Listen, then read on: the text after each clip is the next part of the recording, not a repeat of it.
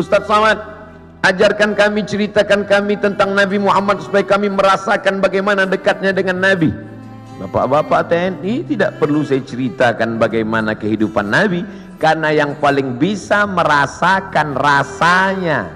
Gimana kira-kira perasaan Nabi saat itu adalah bapak-bapak tentara. Kenapa begitu? Karena Nabi itu kehidupannya sebagai panglima perang, panglima tentara. Nabi jadi Nabi mendapat wahyu umur 40. Berdakwah di kota Makkah 13 tahun. 40 tambah 13 53 memimpin perang terbesar bernama perang Uhud di tahun kedua. 40 tambah 13 53 tambah 2 55 Nabi di usia 55 tahun perang Badar naik kuda dari Madinah ke Badar lokasi perang 150 km naik kuda tolong cari ustadz umat Nabi Muhammad yang umur 55 tahun naik kuda 150 km yang bisa melakukan itu hanya tentara. Yang bisa merasakan sport. Yang bisa merasakan naik kuda. Satu jam naik kuda sama dengan seribu kali push up. Jadi kalau 150 km ditempuh Nabi usia 55 berarti 3000 kali push up. Siapa yang bisa melakukan itu? Saya nggak bisa. Saya ceramahnya aja mungkin bisa ikut Nabi. Khutbahnya mungkin tapi untuk melakukan seperti yang dilakukan Nabi Muhammad SAW orang yang amat sangat sehat Nabi umur 55 tahun memimpin perang 150 km naik kuda 3000 kali push up menurut ilmu kesehatan. Hari ini apa yang dilakukan umat Muhammad umur 55 tahun? Membawa map ngurus pensiun.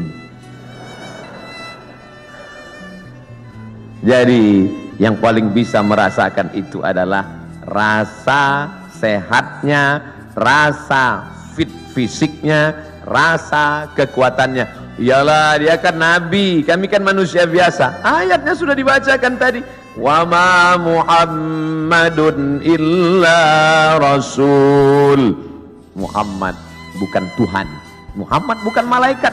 Dia hanya seorang rasul. Qad halat min qablihir rusul. Rasul-rasul sebelum dia meninggal. Adam, Idris, Nuh, Hud, Salih, Ilyas, Ilyasa, Zakaria, Musa, Ibrahim meninggal dunia.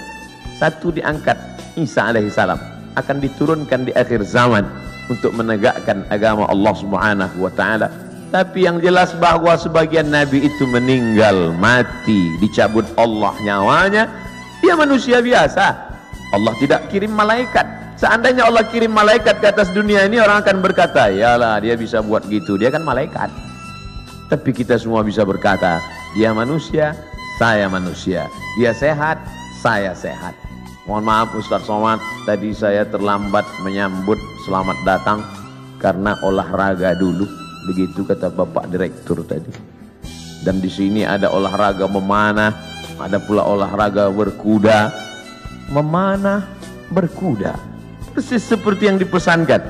Alimu auladakum ajarkan anak-anak kamu as-sibahah, berenang, ar-rimayah, memanah, warukubal khail, berkuda. Cuman yang saya heran kenapa yang disebutkan cuman memanah dan berkuda? Berenangnya mana? Ternyata tentara tidak perlu disebut berenang karena kalau tidak lulus berenang tak mungkin lulus jadi tentara. Memanah tepat sasaran untuk apa lagi memanah? Kan sekarang sudah ada senjata.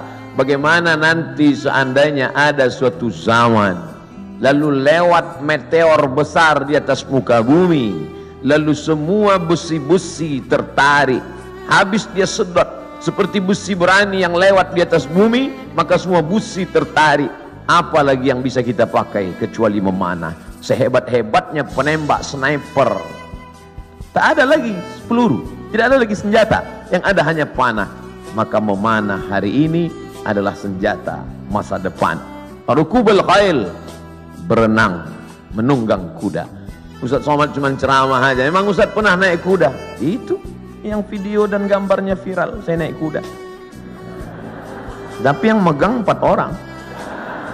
Ustaz, Ustaz, Ustaz naik ke atas, naik, foto, turun lagi.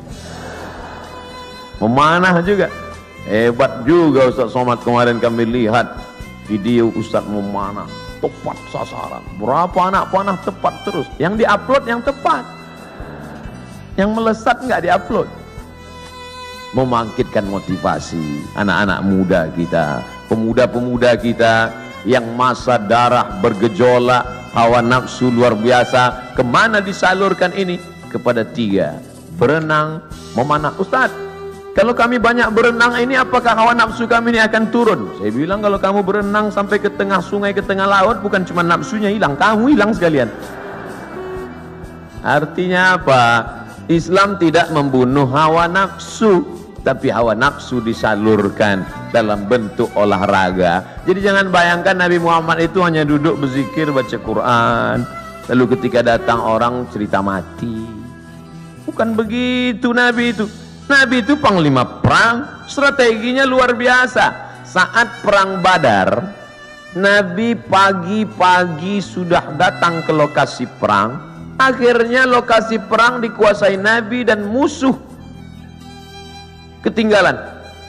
Kenapa Nabi awal? Nabi awal datang menyusun pasukannya di tempat matahari terbit. Karena Nabi pasti duluan karena sebelum azan subuh dia sudah tahajud badannya sehat habis tahajud witir habis itu sholat subuh langsung dia susun barisan datang pasukan musuh sudah kehabisan tempat sudah di booking duluan Nabi susun barisan di matahari terbit satu kosong sudah kena kenapa? karena kalau disusun pasukan di matahari terbit maka mata musuh silau mata yang silau tidak nampak di mana anak panah di mana tombak di mana pedang satu sudah kalah Lalu kemudian dari mana Nabi tahu jumlah pasukan? Tempat mereka berkemah datang seorang sahabat. Ya Rasulullah, ya. Apakah ada wahyu turun di mana kita berkemah malam ini? Tidak ada wahyu. Datang sahabat kasih pendapat. Saya ada pendapat ya Rasulullah. Apa pendapatmu? Kita akan berkemah di lokasi ini tempat oase, tempat air di gurun. Karena dengan menguasai oase musuh akan kehabisan air minum karena mereka datang 500 km dari kota Makkah, Madinah dan sampai di Badar. Dua kosong musuh kalah sebelum perang. Apakah Nabi ketika itu datang anak buah sahabat, ya Rasulullah, ini saya ada ide, ide kamu jangan pakai, saya cukup dari Jibril aja. Nabi sebagai pimpinan mendengar saran dari bawahan, padahal dia menerima wahyu dari Allah Subhanahu wa taala. Poin yang ketiga, Nabi Shallallahu Alaihi Wasallam tahu berapa jumlah musuh. Hebatnya strategi intelijen Nabi. Bagaimana caranya? Ketika Nabi melihat ada seorang pasukan dari kafir Quraisy mengendap-endap, kata Nabi tangkap dia. Tapi ditangkap bukan untuk disiksa. Kebetulan yang mereka tangkap ini adalah tukang masak yang mengambil air. Ditangkap ditanya oleh Nabi, berapa jumlah pasukan kalian? Kata tukang masak, mana saya tahu? Saya kan cuma masak. Masa pasukan itu kan yang tahu pimpinan. Nabi tanya, kamu kalau masak pagi siang berapa ekor kambing?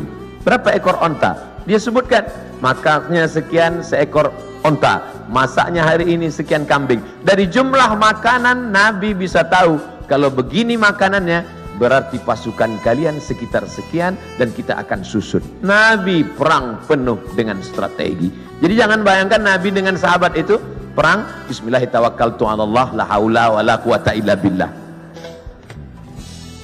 Al haqqu bila nizam yaghlibuhul batil bin nizam. Kebenaran yang tidak dimanage dengan manajerial yang baik akan dikalahkan oleh kebatilan tapi diatur dengan manajerial yang baik. Nabi strategi cari tempat dia menang Strategi awal susunan barisan dia menang. Strategi berapa jumlah pasukan musuh dia menang. Setelah siap strateginya, baru dia berdoa di tengah malam. Saat dia berdoa itu dari Isya sampai subuh datang Abu Bakar tengah malam mendekati Nabi. Hasbuka ya Rasulullah. Wahai Nabi Muhammad cukuplah berdoa itu berhenti doamu pasti dikabulkan Allah. Tetap dia berdoa sampai subuh. Lengkap persiapan mental spiritual, kecerdasan intelijensia otak dengan kelembutan hati berdoa. Hari ini orang hanya berdoa tanpa berusaha. Berusaha tanpa berdoa sombong. Berdoa saja tanpa usaha pesong. Pesong bahasa Melayu gila. Kesiapan inilah yang agaknya dimatangkan.